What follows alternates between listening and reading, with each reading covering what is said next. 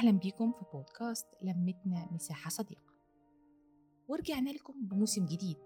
حلقاته مختلفة تماما عن أي حلقات قدمناها قبل كده.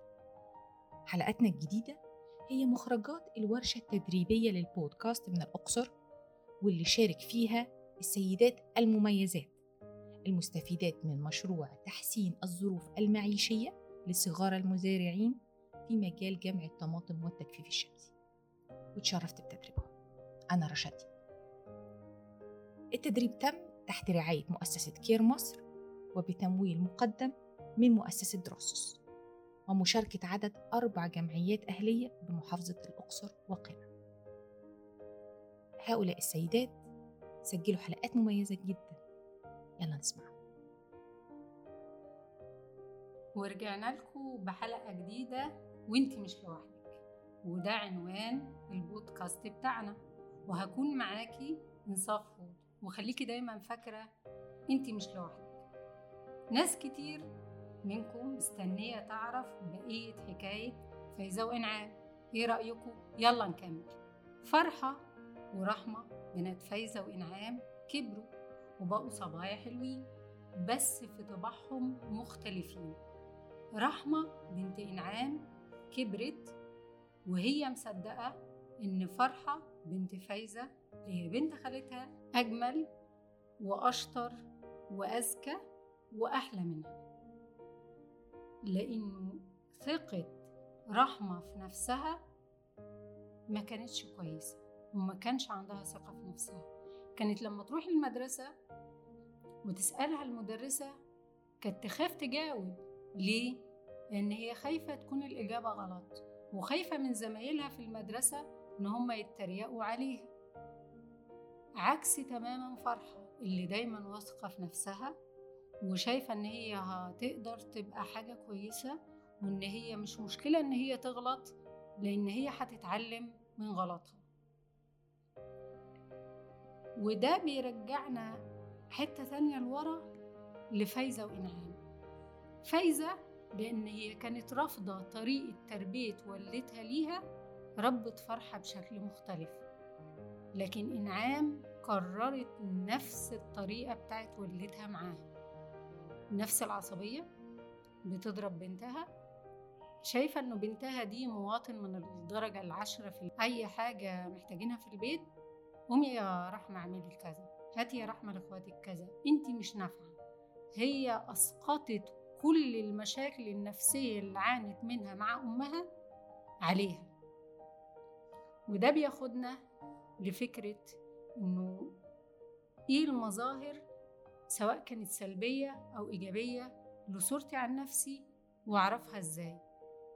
الشك وعدم الثقة في النفس ده مظهر من المظاهر السلبية. إنه أنا مع مش متأكدة من اختياراتي ولا قراراتي ده مظهر سلبي.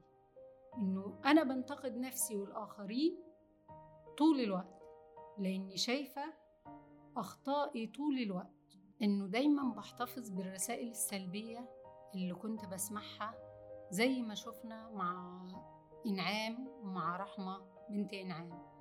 كمان مظهر تاني إنه أنا ما عنديش قدرة إن أنا آخد خطوة للأمام ما عنديش زمام المبادرة. لو اتقال لي ورا الباب ده افتحيه.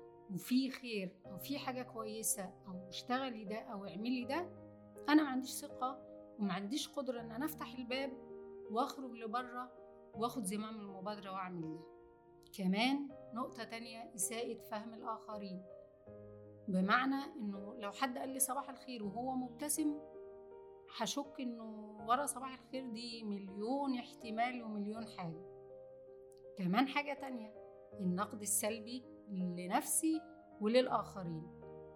إنه دايما بنتقد تصرفاتي ودايما وضع نفسي في حالة إدانة ودايما بنتقد الآخرين بشكل كبير ومش بنتقد الفكرة أو السلوك لكن كمان بنتقد الأشخاص. وده مظهر سلبي من مظاهر صورتي عن نفسي. ولو إحنا هنتكلم على المظهر الإيجابي فأنا هعكس المظاهر السلبية. لو أنا صورتي الذاتية عن نفسي قوية أولى مظاهر ده إنه أنا عندي ثقة في نفسي وفي قراراتي وفي اختياراتي. وبستشير الناس اللي شايفة إن هم هيدوني رأي قوي ورأي كويس وفي ثقة ما بينا وهفلتر ده وأعمل عقل نقدي داخل دماغي وأشوف إيه الفكرة اللي هتنفع معايا وأختارها. إنه مش هنتقد لا نفسي ولا الآخرين ولا هحط نفسي في موضع المدانة طول الوقت. إنه الرسائل دايما اللي هتكون موجهة لنفسي وبتدور داخل دماغي دايما الحاجات الكويسة الرسائل الإيجابية.